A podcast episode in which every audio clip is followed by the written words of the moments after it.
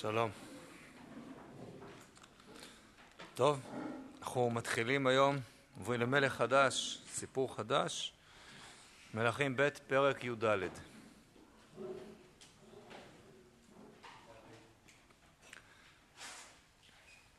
בשנת שתיים ליואש בן יואחז מלך ישראל, מלך אמציהו בן יואש מלך יהודה. בן 25 שנה היה במלכו ו-29 שנה מלך בירושלים ושם אמו יהועדן מן ירושלים. ויעש הישר בעיני השם רק לא כדוד אביו, ככל אשר עשה יואש אביו עשה. רק הבמות לא שרו עוד עם מזבחים ומקטרים בבמות.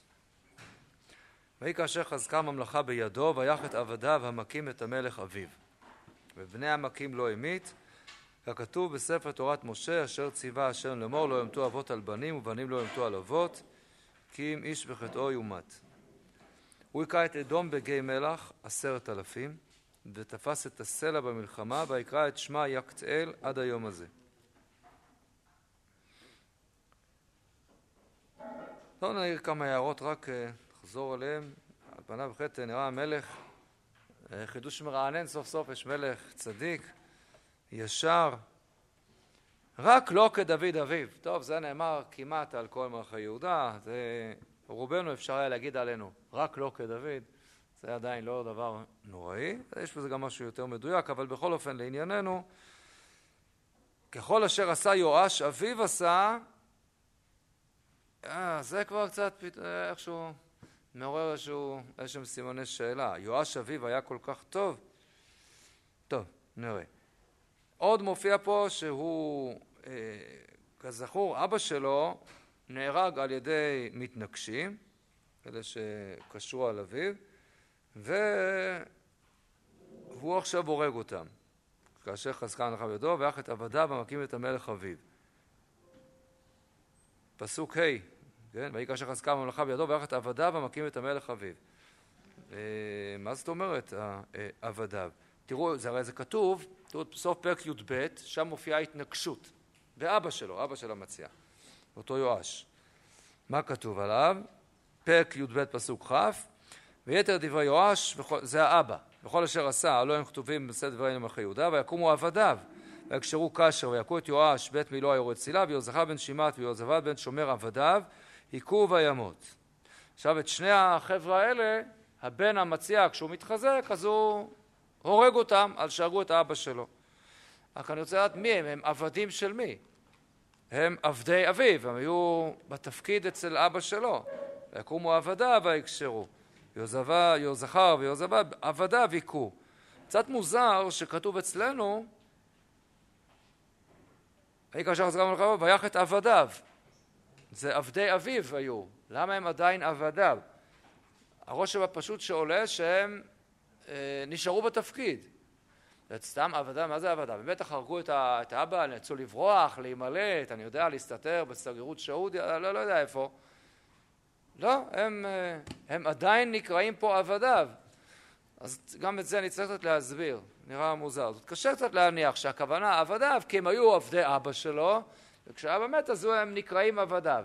הם כבר לא עבדיו שלו. הם מתנגשים, מה, הם לא ברחו לשום מקום? הם המשיכו, המשיכו בתפקיד עד שהוא הורג אותם? גם את זה נצטרך ככה איכשהו לבחון.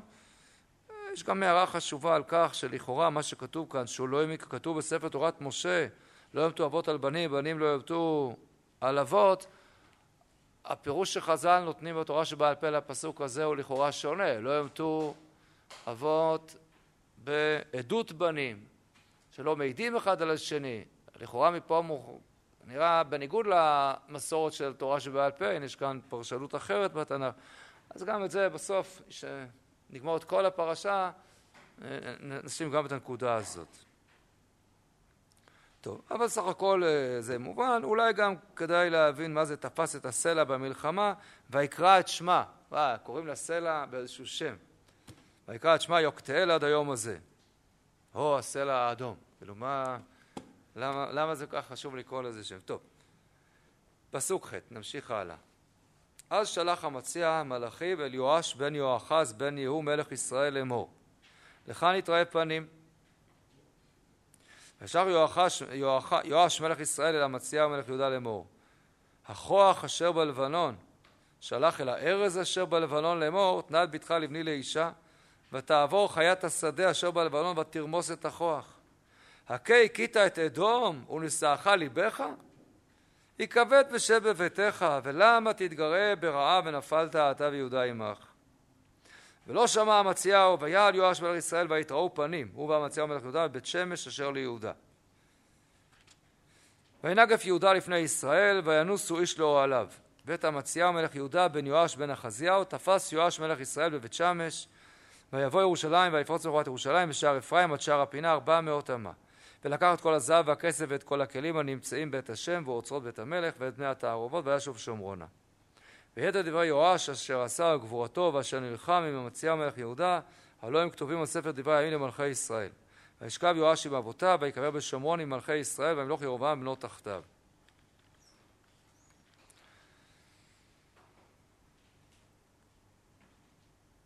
טוב, אז יש פה אה, הרבה מאוד דברים שצריכים הסבר. נתחיל אולי ממש ממש מן הסוף. מה זה הפסוק, הפסוק הזה שנאמר כאן? ויתר, פסוקים ט"ו ט"ז, ויתר דברי יואש אשר עשה גבורתו אשר נלחם כתובים עשה דברי נמחי ישראל וישכב יואש אבותיו, את מי זה מעניין? מה זאת את מי זה מעניין? אנחנו עכשיו עסוקים בתיאור מה? המציעה מלך יהודה. לא בתיאור של מה שקרה ליואש. לא רק זה, אלא שהתיאור, זה שקרה ליואש, התיאור הזה הוא כבר כתוב.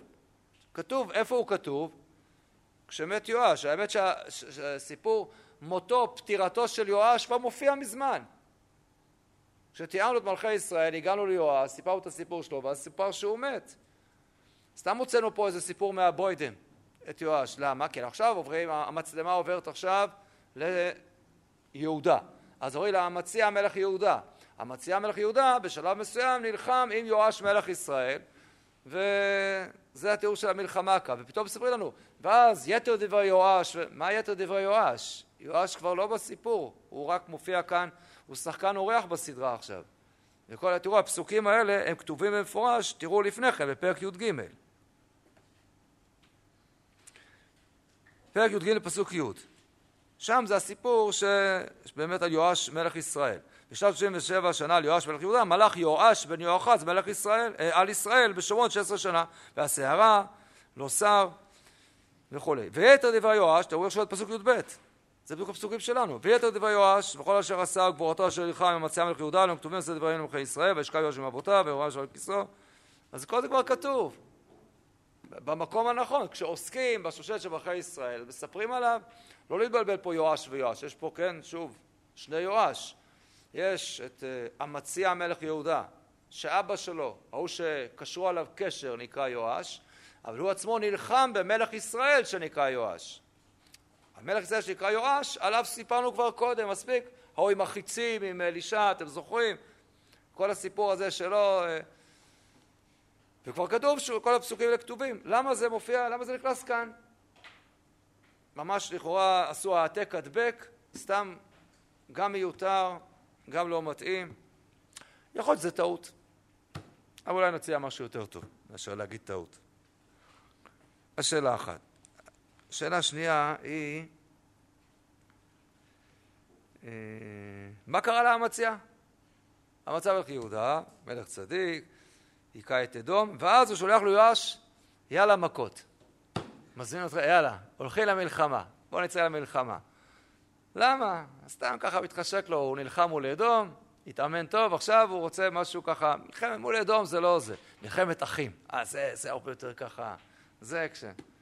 אומר לו יואש מלך ישראל, חביבי, תירגע. תירגע, מה אתה מתלהב? ניצחת את אדום, עכשיו אתה בא אליי, חבל, חבל. שב בשקט, אתה יודע שאני הרבה יותר חזק ממך, ואתה תחזור בבושת פנים. לא, המציע מתהפך. לא, ככה, לא שמע המציע, אה, מי צדק? האם יואש צדק? ודאי שהוא צדק. קודם כל מתוצאות המלחמה. מתוצאות המלחמה אנחנו רואים שהיה פה נוקאוט רציני. כן, יואש ממש, אה, ממלכת ישראל מכה את, אה, את צבאו של המציע, המציע עצמו, לוקחים אותו, תפסו אותו בבית שמש, פורצים את החומה, בקיצור, ביזיון וקצף. אבל בשביל מה, למה הלכת? ויואש הזהיר אותך, אומר לך, יכבד ושב בביתך, כן? למה, למה, למה לך? למה תתגלה ברע? נפלת אתה ויהודה עמך. לא צריך. ולא שמע המציע. אה, סתם עקשן כזה יצא. אנחנו לא מבינים למה הוא רוצה להילחם איתו. ויואש אומר לו, לא צריך. לא, מה קרה? למה? יותר מזה, אנחנו גם כשאנחנו, הרבה פעמים כשאנחנו רוצים לדעת מהם נתוני הפתיחה של המלחמה.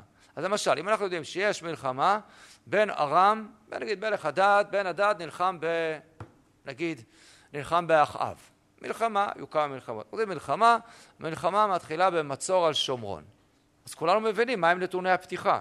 צבא האויב כבר נמצא פה בשטח של ישראל, כבר צרים על הבירה, עכשיו מתחילים את המלחמה, כל אחד מבין מהם כאן נתוני הפתיחה. הצבא של האויב במצב הרבה יותר, כלומר, השטח שבו נערכת המלחמה, אז אם זה נערך על הגבול, אוקיי? אז זה שקול. אבל מה קורה כאן? בוא, איפה הם אה, נלחמים? שוב, פסוק י"א, ולא שמע המציאו, ויעל יואש מלך ישראל ויתראו פנים, הוא והמצב ליהודה, בבית שמש אשר ליהודה. כלומר, המלחמה מתחילה כבר בתוך השטח של יהודה. זאת אומרת, באמת צודק יואש, מלך ישראל. הצבא שלו יותר חזק, יותר מוכן, יותר ערוך. בשביל מה?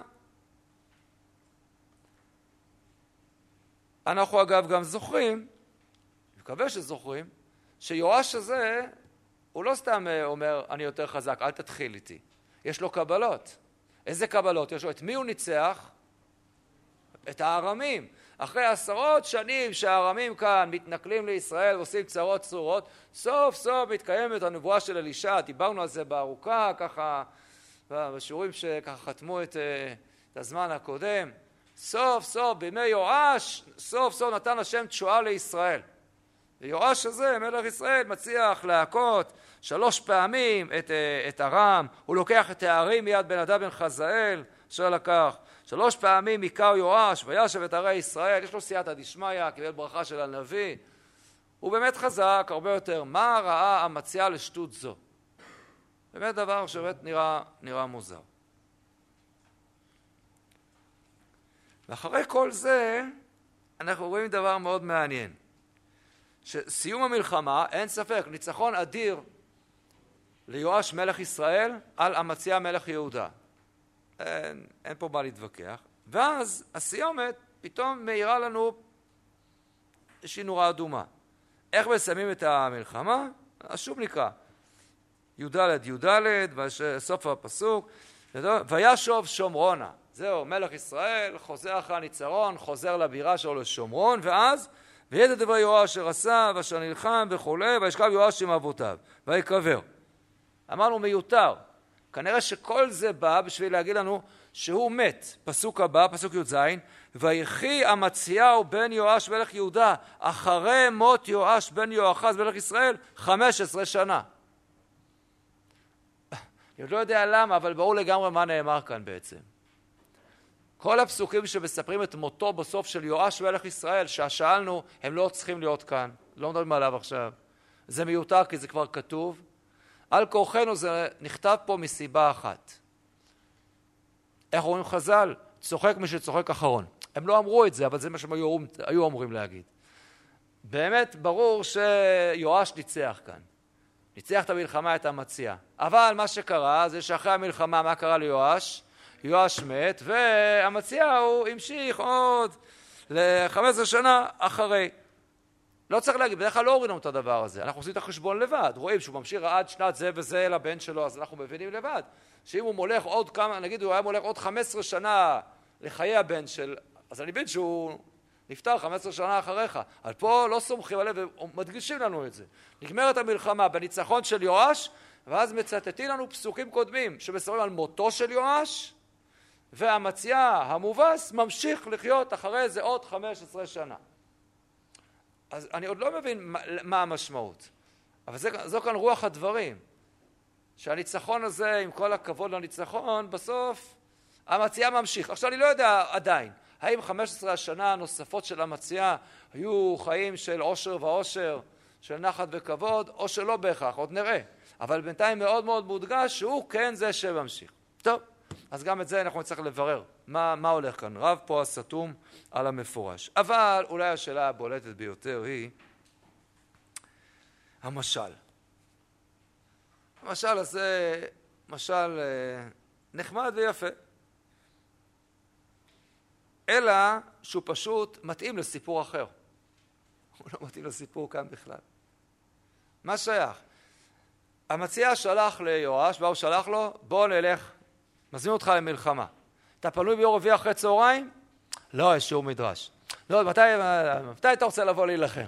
נו, מתי שאתה רוצה. לפני התפילה. אה, לפני התפילה, טוב. מזמין אותו למלחמה. ומה אומר לו יואש? אתה מתבייש שאתה בא להילחם איתי? מה זה קשור? זה לא שייך בכלל. אז מה הוא אומר לו? הייתי מבין אם המשל היה כזה. הכוח אשר, מה זה הכוח? איזה קוץ אשר בלבנון. אמר שלח אל הארז אשר בלבנון לאמור מה? בוא נלך מכות. בוא נילחם. אבל מה הוא אומר לו? תנה את ביתך לבני לאישה. בוא נתחתן. רוב יועצי הנישואים יגידו לכם שהמשל ממש לא טוב. אומרים לך בוא, בוא ניתן משל טוב למלחמה, חתונה. אז אמרתי מה יועצי הנישואים אומרים. הזוגות הנשואים יכול להיות שהם לא מבינים בדיוק מה הקושייה שאני כרגע שואל. כן? אבל בכל אופן, זה, דוגמה לא כל כך מתאימה. מה בדיוק הסיבות? אה, כולם יודעים, כן, את הוורט המפורסם. מדוע חתן אחרי שמתחתן, שנה ראשונה לא יצא למלחמה, נקי יהיה לביתו? למה הוא פטור? כי יש לו מלחמה בבית. יש שאומרים את הדבר הזה. לא בטוח שזה הפשט כאן של הפסוקים. אז המשל לא כל כך מוצלח. הוא הציע לו בוא נלך, בוא, בוא, בוא אנחנו נצא להילחם, ולא משל למלחמה. אז מה נגיד? טוב, המשל לא צריך להיות בדיוק כמו הנמשל. לא צריך להיות בדיוק, אבל צריך להיות, הוא צריך ללמד אותנו משהו, זה באמת משל ממש לא מוצלח. אבל יש פה עוד פרט, הרי המשל כל כך קצר. יש פה עוד תיאור. תנה את ביתך לבני ותעבור חיית השדה אשר בלבנון ותרמוס את הכוח. רגע, מי זה? מה זה החמות? מי זה כאן אה, חיית השדה? איך הגענו לכאן לחיית השדה בכלל? אה, מה שמאוד מובן, אני חושב, שרובנו יכולים להבין מי זה הכוח אשר בלבנון ומי זה הארז אשר בלבנון. עד כאן אין חילוקי דעות. הארז אשר בלבנון הוא מדבר על עצמו, על יואש, המלך הגדול והחזק, ואתה מציע איזה קוץ קטן, אתה לא מתבייש? אז עכשיו, מה זה ותעבור חיית השדה? אז שוב, אה, מה שמפרשים מבינים, הם לא, זה כאילו, אין לזה בדיוק למשל, אלא הוא רוצה להגיד כמה הקוץ הוא קטן. כל חיה שתעבור תרמוס אותך. בסדר, לא צריך להגיד את זה. מספיק שאתה אומר קוץ מול ארז, גם אם לא ירמוס אותו אף אחד את הקוץ הזה. לא ירמוס. אגב, אם חיית השדה תרמוס את הקוץ, יכול להיות שמה יקרה לחיית השדה? היי, תכאב לה, זה, גם לא כל כך טוב. זה לא כל כך טוב. בשביל להגיד את הדבר הזה, בכלל משל ממש לא, לא משל טוב כל כך. אז באמת הדבר הזה הוא, הוא, הוא לא כל כך מובן. מה, מה כאן הסיפור? ונראה שאולי אנחנו מפספסים פה משהו בגדול ב, אה, במידע שיש לנו על הסיפור הזה. אז טוב שיש לנו את המקבילה. בואו נקרא מה כתוב בדברי הימים, ואולי נשאב עוד כמה נתונים על מה שקורה כאן בסיפור. אז בואו נראה את המקבילה בדברי הימים ב', פרק כ"ה.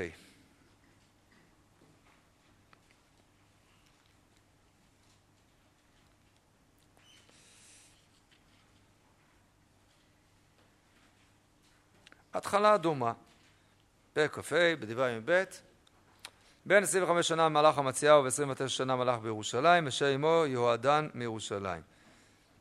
ועשה ישר בני השם, רק לא בלבב שלם. ויהי כאשר חזקה הממלכה עליו, והרוג את עבדיו המכים את המלך אביו. ואת בניהם לא המית, כי ככתוב בתורה בספר משה, אשר ציווה אשר לאמור לא ימותו אבות על בנים ובנים לא ימותו על אבות, כי איש בחטאו ימותו.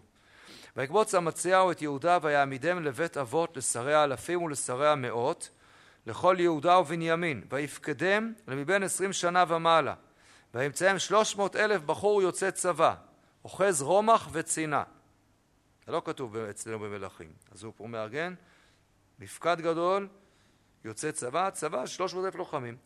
וישכור מישראל מאה אלף גיבור חיל במאה כיכר כסף. ואיש האלוקים בא אליו לאמור, המלך, אל יבוא עמך צבא ישראל, כי אין השם עם ישראל, כל בני אפרים.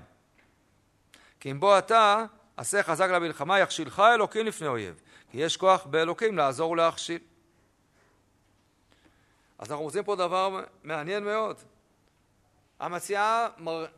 כאילו צבא גדול מאוד, 300 אלף לוחמים, ואז הוא הולך וסוחר גדוד גדול מישראל, 100 אלף אנשים, ב-100 כיכר כסף, סוחר אותם, להצטרף אליו למלחמה. לאיזה מלחמה? אני עוד מעט נראה מהי המלחמה. בא אליו איש האלוקים ואומר לו, שחרר אותם. לא טוב. אין השם, כן, אה, לא טוב, כי אין השם ישראל כל בני אברהם. הקדוש ברוך הוא לא נמצא איתם, הוא לא, לא ביחד עם ישראל. קודם כל זה לכאורה לא נכון. למה לא נכון? מי זה מלך ישראל? יואש, וראינו שמה? שהשם כן עם מלך ישראל, עזר לו להילחם בארם. אבל טוב, בכל אופן הוא אומר לו, עזוב, הקדוש ברוך הוא יכול לעזור, יכול להכשיל, שחרר אותם, תחזיר אותם.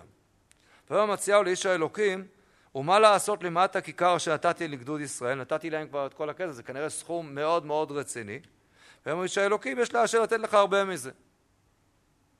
עליי, על הקדוש ברוך הוא. הקדוש ידאג מה אתה דואג. ויבדילם המציעהו להגדוד אשר בא אליו מאפרים, ללכת למקומם. ויחר הפעם מאוד ביהודה, וישובו למקומם בחור יעף. אני לא מבין למה הם כועסים. למה הם כועסים? קיבלו משכורת. אדם בא לעבודה.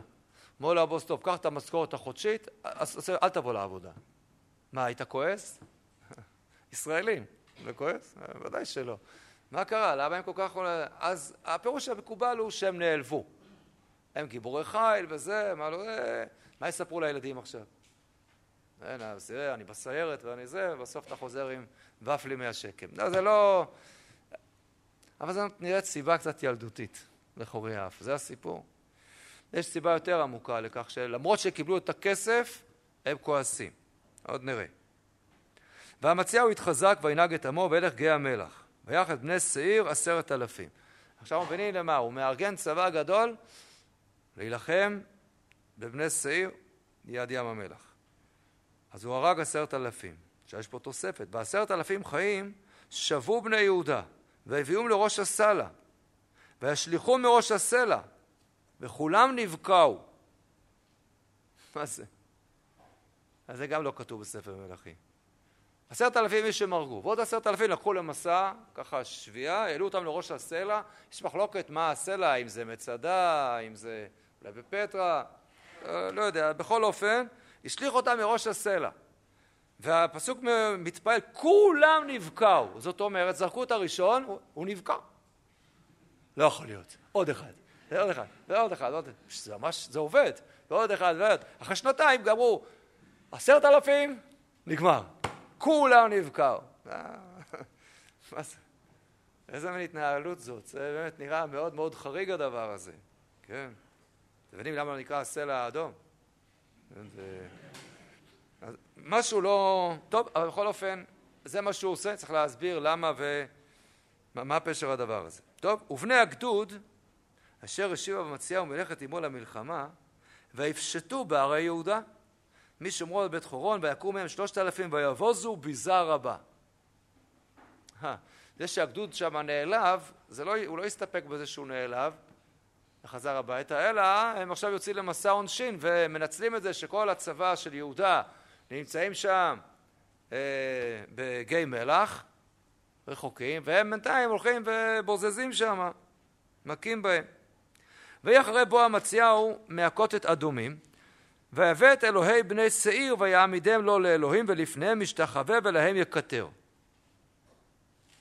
ויחרף השם באמציהו וישלח אליו נביא ויאמר לו למה דרשת את אלוהי העם אשר לא הצילו את עמם מידיך? אי אפשר להבין את זה. מה אני אגיד לכם? אלוהי בני שעיר הוכיח את עצמו מעל ומעבר. ראיתם איך הוא יצטרך להגן על כל האנשים שלו? עשרת אלפים הרגו ככה, ועוד עשרת אלפים הרגו בהטלת כדור ברזל, אני לא יודע במה. ואז המציע כל כך התפעל מהעוצמה של אלוהי שעיר, הוא כבר לא היה מסוגל לעמוד מול הדבר הזה, ויעמדם, כן, והבאת אלוהים נשא ויעמדם לו לאלוהים לפניהם משתחווה ולהם יקטר. אלא אם כן יקטר זה להתחיל לקטר, כן, לא נראה שזה הפירוש. אז מה שאומר לו הנביא, הוא אומר לו, תגיד, אתה, אתה בסדר? למה דרשת את אלוהי העם אשר לא הצילו אותם מידיך? יש גבול. עולה? מצביע? אה, נגיע לזה, בסדר, אתה צודק, גם יותר דבר, זה ודאי דבר נכון. רק שזה לא קשור בכלל לאלוהי שעיר. טוב, ויהי בדברו אליו, ויאמר לו, על יועץ למלך לתנוך? חדל לך, למה יכוך? ויחדל הנביא, ויאמר ידעתי כי יעץ אלוקים להשחיתך, כי עשית זאת ולא שמעת לעצתי. וואו, זה דבר חריג מאוד. זה הדבר שמתאים למלכי ישראל להתנהג בצורה כזאת. תוריד לנביא, או שתשתוק או שתחטוף מכות.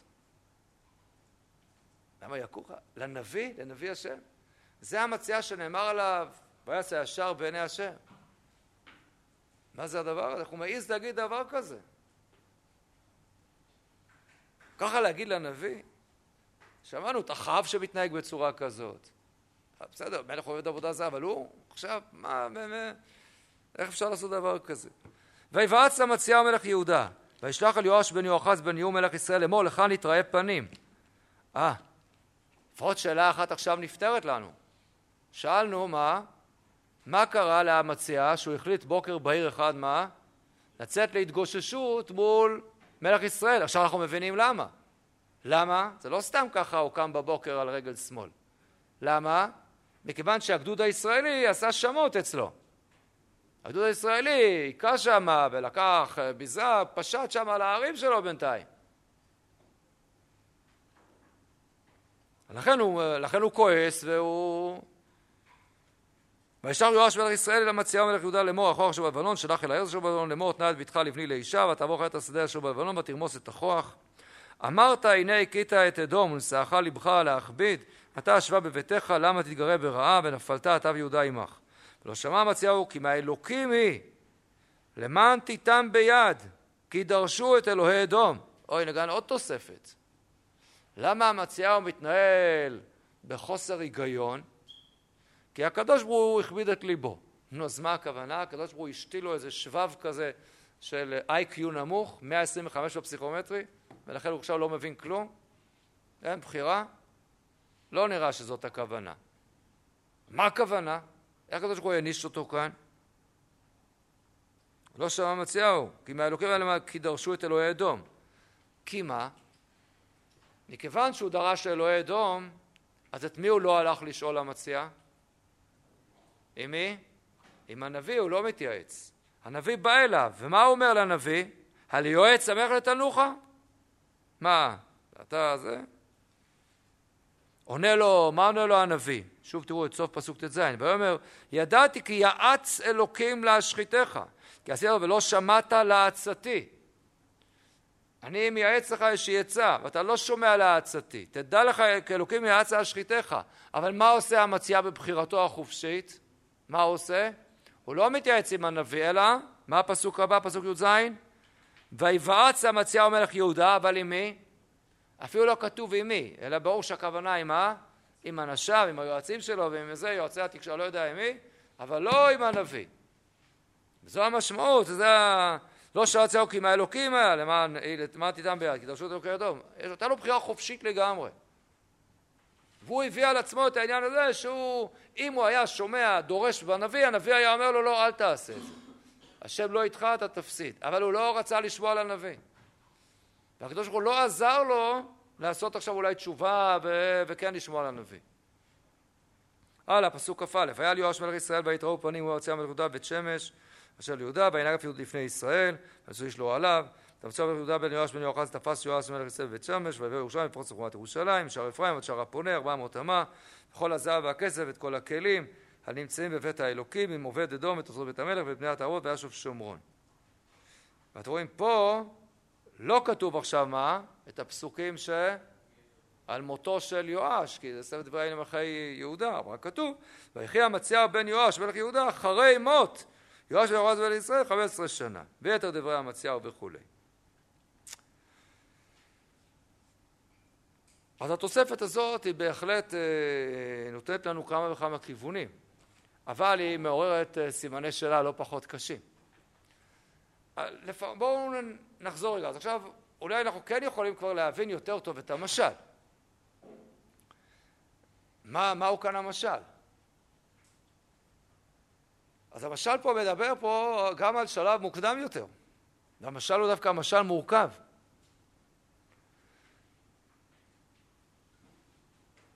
המציע שהוא הכוח שלח אל הארז, אל יואש, נא את ביתך לביתי, בוא נתחתן בינינו. שאלנו, מה קשור? הוא קשור במלחמה. תשובה, למה הכוונה? על מה הוא מדבר איתו? על? על הגדוד, יפה מאוד. הגדוד. המשמעות היא שהוא ביקש ממנו את הגדוד של ישראל, זה, זה שיתוף פעולה. זה שיתוף פעולה שמאוד מאוד מוכר לנו. מוכר לנו.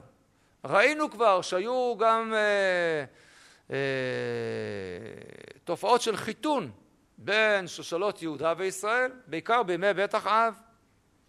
בית יהושפט היה מחותן עם, עם בית אחאב, וזה גרם להרבה הרבה דברים קשים. כשהשיא היה עם עתליה, כן, שבסוף היא נהייתה ככה, היא הבת של איזבל כנראה, והיא נהייתה מלכת יהודה. את כל העבודה הזרה, את כל עבודת הבעל, היא הכניסה ליהודה. אבל אחת המשמעויות שהיה שם חיתון, והתחתן יהושפט, לאחר מלך ישראל, ואז הוא שולח לו, בוא תעזור לי, אומר לו, כמוני כמוך, כעמי כעמך, כסוסי כסוסיך, מה הפירוש הדבר הזה? שיתוף פעולה, שיתוף פעולה, סוסי כזה, שיתוף פעולה גם צבאי. זה קשרי חיתון. החיתוני, החתונות האלו היו חתונות פוליטיות בדרך כלל, מדיניות, שמשמעותם שיתוף פעולה גם. אז המשל מזה, אתה פנית ככה בתור מה? פנית להתחתן. אבל כולנו יודעים איך החתונה הזאת, מה קרה לחתונה הזאת, מה? החתונה הזאת היא הופסקה באמצע. הופסקה באמצע. והכלה הושבה בבושת פנים. הוא אומר לו, יואש, תדע לך שהכלה הזאת, הצנועה והעדינה, שככה חזרה בבושת פנים, היא הופכת להיות מה? חיה טורפת. היא הופכת להיות חיית השדה. אתה חושב שחתונה זאת לא חתונה, זה חיית השדה. הכלה הזאת, הגדוד הפך להיות גדוד שמה הוא עושה עכשיו? הולך ונוקם עכשיו את ביזיונו. זה חיית השדה שעברה, ובאמת מה היא עשתה? באמת רמסה את הכוח. ואני מציע לך, אומר לו יואש, להסתפק בדבר הזה. חטפת מספיק. לא כדאי לך להמשיך. ממש לא. וזה כאן היופי של המשל, שהוא באמת מחבר את הדברים, איך הוא הופך את, ה, את החתונה למלחמה תוך כדי הסיפור של המשל, זה בדיוק הסיפור.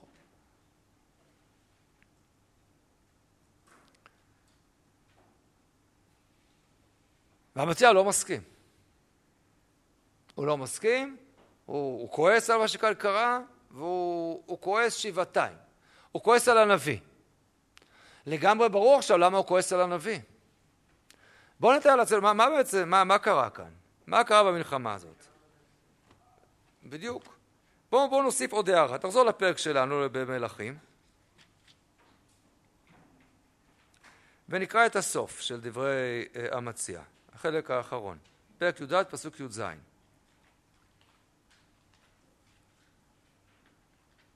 ויחי המציאהו בן יואש מלך יהודה אחרי מות יואש בן יואחז מלך ישראל חמש עשרה שנה. כבר ראינו את הפסוק הזה. ויתר דברי המציאהו הלא הם כתובים בספר דברי הימים למלכי יהודה. ויקשרו עליו קשר בירושלים, וינס לכישה, וישלחו אחריו לכישה והמיתוהו שם. ויישאו אותו על... אז גם זה קשר אחרי קשר, טוב, אותו הרגו, את אבא שלו קשרו עליו. ויישאו אותו על הסוסים ויקבר בירושלים עם אבותיו בעיר דוד. ויקחו כל העם יהודה את עזריה, והוא בן שש עשרה שנה, והמליכו אותו תחת אביו המציאהו.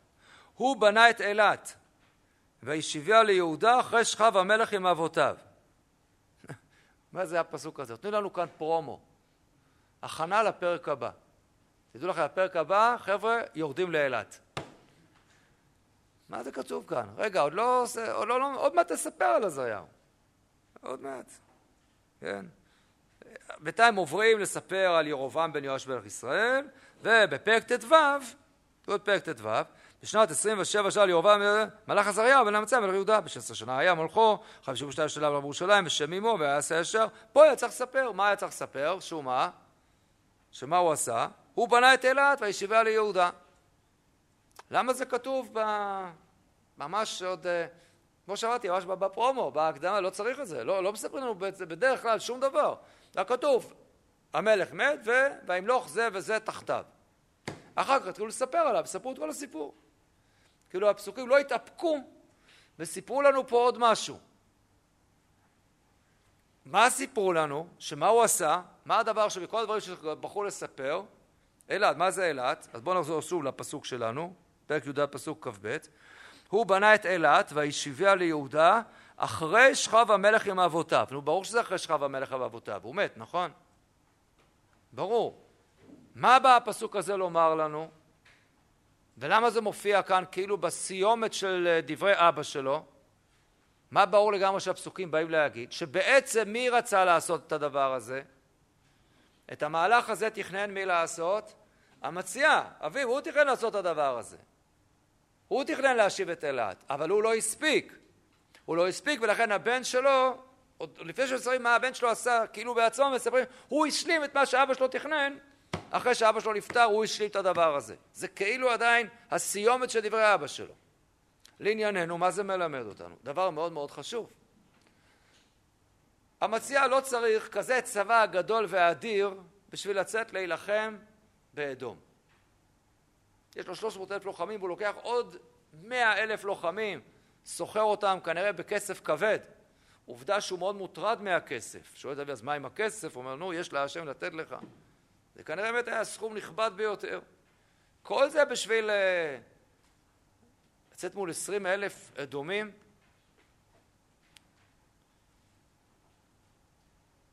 אלא ברור שלא. היה אמור להיות כאן מסע מלחמתי רציני מאוד, כאשר המאבק מול האדומים כאן, בני שעיר, אה, כל השבטים הללו, של... זה רק שלב ראשון. ומכאן לאיפה צריכים להמשיך לרוץ הלאה? דרומה לאילת. וכל תקופת המלוכה, הסיפור, כמעט ואין התיישבות, כמעט ואין התיישבות רצינית, מדרום ים המלח, דרום הר חברון, עד אילת. אין כמעט כלום. הגבול עובר או שבדרום הר חברון באזור, או שמגיעים עד אילת. והנפקמינה להגיע לאילת היא כמובן נפקמינה כלכלית ביטחונית אדירה. כל השפע הכלכלי והעושר שיש ייפתח האפשרות הזאת להפליג לשלוח ציון, אה, אה, אוניות לציון גבר ולהביא משם כל מיני דברים יקרים, אקזוטיים, ככה זהב ותוכים ושנבים. מי למשל עשה את זה? שלמה. להגיע לאילת זה חתיכת סיפור. וזה להשתלט בעצם ולפתוח את הגבולות ככה למרחב הזה וליצור ככה אה, שיירות מסחר והחלטות אדירות. זה מה שהמציע תכנן לעשות פה, משהו גדול ועוצמתי ביותר. ולזה הוא צריך באמת צבא גדול ואדיר. ומה שקורה, אפשר עכשיו לנסות להבין מה כאן קרה. אני עוד לא יודע בדיוק למה, נסביר גם למה, אבל קודם כל לתאר מה קרה. המציע מגיע עם הצבא שלו בדרך שנמצאים שם בגיא מלח, באזור ים המלח, באיזשהו מקום, ונלחמים שם מול האדומים, ומצליחים להכות בהם מכה רבה מאוד. מה קורה במקביל? ראינו, מה קורה במקביל? בעורף. בינתיים מה שקורה, מה? זה שהגדוד הישראלי עושה שם שמות בעורף. והשמועות מגיעות לצבא של המציע. ואתם מבינים עכשיו מה עובר שם בצבא. אנשים בלחץ היסטרי. הם עזבו את הבית מאחורה וזה, ואני מזכיר למי שעוד לא סגור עליהם, אין פלאפונים, אין, עוד אין, אין. לא יודעים בדיוק מה בדיוק קורה שם, אבל שמועות מגיעות. מגיעות השמועות ש... לך תדע מה קורה שם. והגדוד שם, שהוא נעלב, והוא כועס, והוא זה, והוא משמיד, והוא... והחיילים לא מוכנים להמשיך. רוצים הביתה. רוצים לרוץ הביתה, לראות מה קורה שם, לעזור, להגן, ו... הדבר הכי קשה, הכי רע לצבא, גם במצב, במצב של יתרון גדול, שהוא פתאום נאלץ ואנוס לשוב על עקבותיו. זה הדבר הכי קשה. וייתכן מאוד שהידיעות האלה הגיעו גם, לי, גם לאוזניהם של האדומים. אני חושב שמאוד אפילו סביר להניח שהם שמעו את זה ראשונים. אולי הם העבירו את הידיעות למחנה ישראל, אנחנו לא יודעים בדיוק איך זה היה. אבל הם תמיד יודעים מה קורה. אנשים נוודים, נודדי, הם אלה שתמיד יודעים ראשונים. וכולם מבינים שעכשיו הצבא הזה הישראלי המנצח, עכשיו חייב לחזור ואין לו זמן להילחם עכשיו יותר מול, מול, מול האדומים שם, מול בני שעיר, כל השבטים שם. או, זה הזמן לזנב בצבא הישראלי. אין, אף אחד לא רוצה עכשיו, אף אחד לא מעוניין עכשיו עוד פעם לצאת ולהילחם אליו. הם תוקפים, זורקים ובורחים. לא, אנחנו לא רודפים אחריהם, כי אין זמן, כי אין זה... זה, זה המצב הכי קשה שיש. אני מזכיר סיפור שלא מזמן כל כך, ככה עברנו עליו. המלחמה שקרתה לשלושת המלכים, מלך ישראל, מלך יהודה ומלך אדום, במלחמה במדבר מואב. כשהם כבר ניצחו את המואבים ופתאום קרה משהו והם נאלצו לסגת בבושת פנים וזה נגמר שם רע מאוד. זינבו בצבא הישראלי, בצבא של יהודה, והכל התהפך שם. וזה מה שפתאום קורה. וקרה משהו, וככל הנראה באיזשהו אופן ובאיזושהי צורה, מה המציע נאלץ לעשות? להגיע שם עם, ה... עם, עם בני שעיר, להגיע איתם מה? ל... להגיע איתם לאיזושהי פשרה, לאיזשהו הסכם. לאיזשהו הסכם, אני לא יודע בדיוק מה הוא פיצה אותם, אבל ככל הנראה, מה היה הפיצוי הבולט ביותר שהוא היה צריך לעשות? זה לקחת את אלוהי שעיר ו... ולהודות בתבוסה שלנו. לא הייתה לו ברירה, הצבא לא מוכן להמשיך איתו, לו, הוא חייב לחזור. והמציע נמצא במצב קשה ביותר. ובדיוק אז מגיע אליו הנביא. ואומר לו, מה אתה עושה? השתגעת? ולא, אתה האחרון שאני רוצה לשמוע אותו. אתה תגיד לי, הכל בגללך. למה הכל בגללך? כי אתה אמרת לי מה? לזרוע, לשלוח את הגדוד. אמרתי, אין לקדוש ברוך הוא בעיה, אתן לך כסף וזה, איזה כסף ואיזה בוטנים. מה קיבלתי פה? תראה מה קיבלתי, תראה מה קרה לי. רק בגלל ששמעתי לך. לא רק שלא ניצחתי ולא המשכתי הלאה להגיע לאילת, עכשיו אני חוזר עם זנב בין הרגליים. לא רוצה לשמוע אותך בכלל. האחרון, אף הגדול הזה של המציע על הנביא, הוא לא מוצדק, אבל הוא מובן. הוא מובן. ובאמת הוא מובן עד כדי כך שאולי כבר נוצרת אצלנו בלב איזושהי תחושה לא נוחה על הנביא והעצות שלו, הרבנים האלה. זה כאילו, באמת הוא נודניק הנביא הזה, ככה חלילה נראה? מה אכפת לך? מה רע שישתתפו ישראל? מה רע באחדות ישראל? מה יש? משתף גם את ישראל, הם ביחד, הם לא נלחמים אחד מול השני. ביחד מול אויב משותף, מה לא טוב בזה? מה, אתה מעדיף שיריבו בינה לבין עצמם? ואחר כך אתה עוד בא ואומר לו למה ככה, למה ככה, זה באמת אה, לכאורה הרגשה לא נוחה כל כך.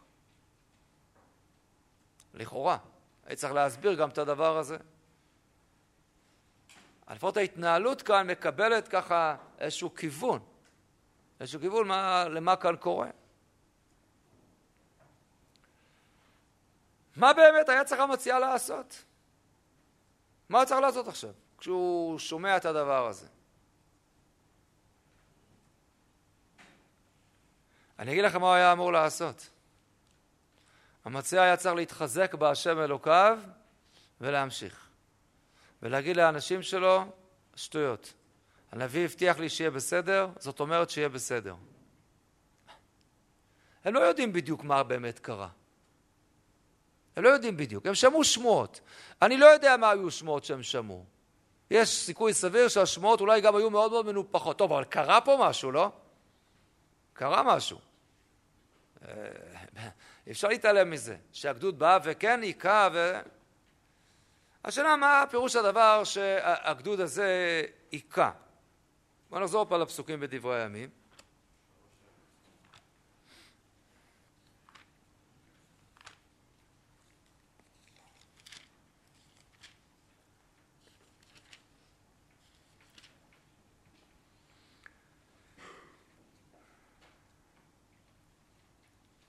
שוב, פרק כ"ה פסוק י"ג בדברי ימים ב' ובני הגדוד אשר השיבה מציעהו מלכת עמו למלחמה ויפשטו בערי יהודה משומרון ועד בית חורון ויקום מהם שלושת אלפים איש כך כתוב?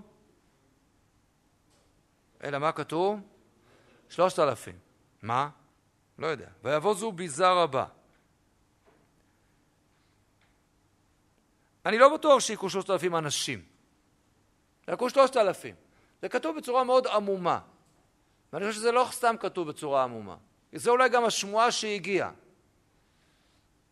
שלושת אלפים.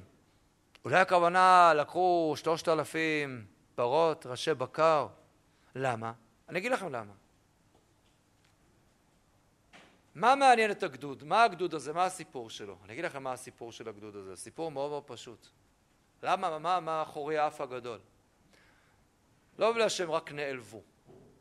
למה הם מזה? מי, מי זה הגדוד הזה? הרי זה דבר מדהים, הדבר הזה פשוט דבר נורא, לקרוא אותו. ויזכור מישראל מלך גיבור חיל, שכירי חרב. שכירי חרב בישראל, כאילו, זה לא נשמע טוב. למה הם באים, שכירי חרב? למה הם באים? איך מספרת אה, דבורה בשירה שלה על כל מלכי כנען שנאספו בצע כסף לא לקחו וואו איזה צדיקים אה, מלכי כנען הם באו למלחמה לעזרת סיסרא באו למלחמה נגד ישראל בלי לקחת כסף. לשם שמיים. איזה לשם שמיים?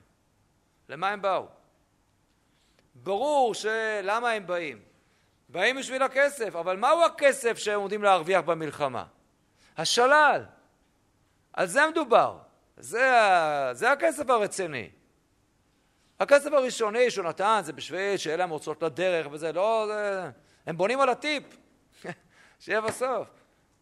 ותוכיח סופה של השירה, שירת דבורה, על כל השלל שהיא מדברת שם, רחם רחמתי, חלקו שלל, על זה מדברים. איך כתוב בשירת הים? אמר אויב, ארדוף אסיג, אחלק שלל. השלל זה הסיפור. הכסף, אותו הם רוצים, אותו הם מבקשים. והם עכשיו באו ויצאו, יכול להיות שהם התארגנו למלחמה הזאת ועזבו כרגע את העבודה שלהם, ואמרו, אנחנו נקבל עכשיו איזו הכנסה רצינית מאוד. ודאי וודאי זה מסע מלחמתי עד אילת, וואו, ושם ממש מקבל אחוזים מה... מה לא, לא יודע, מכל משהו, משהו, כדי להרוויח משהו עצום. ואז אמרו להם לא. ולכן מה הם הולכים לעשות? אז הם הולכים להשלים השלמת הכנסה.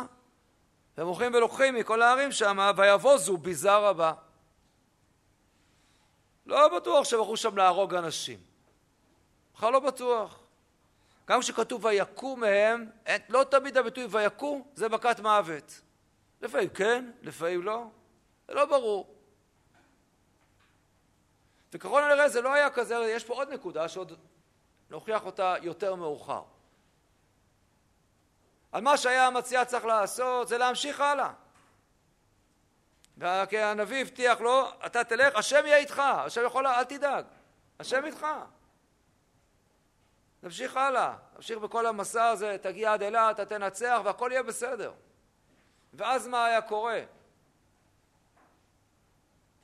אני לא יודע, אולי הגדוד הישראלי היה נבהל מזה שהוא פתאום הגיע עד אילת והתעצם מאוד, או שאם היו עכשיו מציעים מלחמה, ישראל היו מפסידים במלחמה הזאת.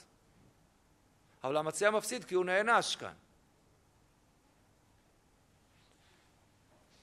עוד לא לגמרי ברור, יש פה עוד משהו שקשור לסיפור של ההשלכה מן הסלע, כמובן שצריך לחזור לדבר הזה. אני אעיר עוד הערות, הערונת אחת קטנה. בואו בואו נסתכל, הגדוד הזה בינתיים, מה כל יהודה נמצאים שם, ב... נמצאים רחוק מאוד בערבה, ובינתיים הכל, כל שטח של יהודה, הכל פנוי, והגדוד הזה פולש לערי יהודה ומכה בהם. האומנם? נחזור עוד פעם אחת לפסוק הזה ונקרא בתשומת לב מה כתוב. איפה הם פושטים? שוב פרק כ"ה בדברי הימים, פסוק י"ג. ובני הגדוד אשר השיבה מציעהו מלאכת עמו למלחמה, ויפשטו בערי יהודה. איפה? משומרון ועד בית חורון. מישהו כאן לא מכיר את המפה. איך? איפה זה משומרון עד בית חורון? איפה זה? בתוך uh, מה? ממלכת ישראל. איך ממלכת יהודה? מה זה? משהו פה גם לא מסתדר. משהו פה לא מובן. אז איזה קצר בתקשורת שהגיע שם, ככה... טוב, גדוד גדוד, לא בטוח שכולם, יכול להיות שהיו אנאלפביתים. ולא ראו בדיוק מה כתוב שם בשלט. קשה להניח. אז מה זה? איזה מין דבר זה? הם בכלל לא היכו ביהודה, אבל כתוב, ויפשטו בערי יהודה. לא יודע כמה היו חזקים בגיאוגרפיה. אז זה באמת דבר מוזר מאוד. אנחנו כבר נרמזים שלא לא בדיוק כצעקתה, עוד נצטרך לייש, ליישב את זה כמובן. אז זה לא לגמרי פשוט. לא ברור שבאמת היה פה כזה דבר נורא. יש פה בהחלט עונש מסוים לאנשי יהודה. ונראה שהעונש קשור באמת לכסף. יש משהו מאוד בעייתי בכך שהמציעהו מלך יהודה הולך וסוחר בכסף אנשים ללכת לעזור למלחמה. לא מתאים. אבל לא רק זה, אלא כשהנביא אומר לו, תקשיב, זה לא מתאים. זה לא מתאים. האנשים האלה, אתה תפסיד, הקדוש ברוך הוא לא איתם. שוב אמרתי, אני לא יודע עוד למה הוא אמר כזה דבר, גם את זה אני צריך להסביר. מה מטריד את המציעה? אבל שילמתי כבר. זהו, זה הקטע. המציעה, הוא לחוץ מאוד על הכסף. לא בטוח שזה דבר נכון. לחוץ על הכסף, זה הסיפור. אז אם אתה לחוץ על הכסף, אז יכול להיות שקצת תקבל איזושהי מכה בכיס. אבל זה עדיין, הוא היה יכול, הוא היה יכול להבין. בסדר, זה היה נגמר בזה. זה היה נגמר בזה. הוא היה ממשיך הלאה למרות הכל, ומתחזק. איזה הבדל, רק לא כדוד אביו. אתם זוכרים את דוד, דוד עם הגדוד שלו, וסיטואציה דומה. חזרו לציקלג אחרי שיצאו למלחמה, חזרו חזרה, פתאום מה מצאו? שהעמלקים פשטו בינתיים ולקחו בשבי את כולם. מה קורה עם כל אנשי דוד? יושבים, בוכים וזה, רוצים לסקול אותו.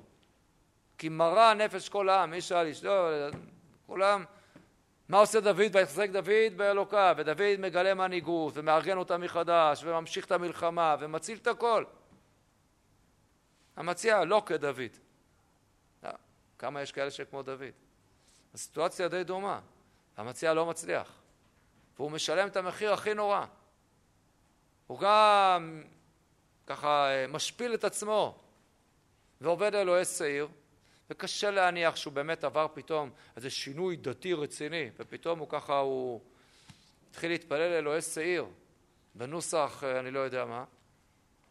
ולא רק זה, אלא שהוא חוזר וכל זה לא עוזר לו והוא ניגף קשות מאוד במלחמה. אז איזה שלד בסיסי של הסיפור אנחנו כבר מקבלים, אבל עדיין יש בו הרבה חורים, הרבה סימני שאלה. באמת העליתם בדעתכם שבשיעור אחד אנחנו נענה על הכל? אתם כבר יודעים שלא. בעזרת השם, שבוע הבא.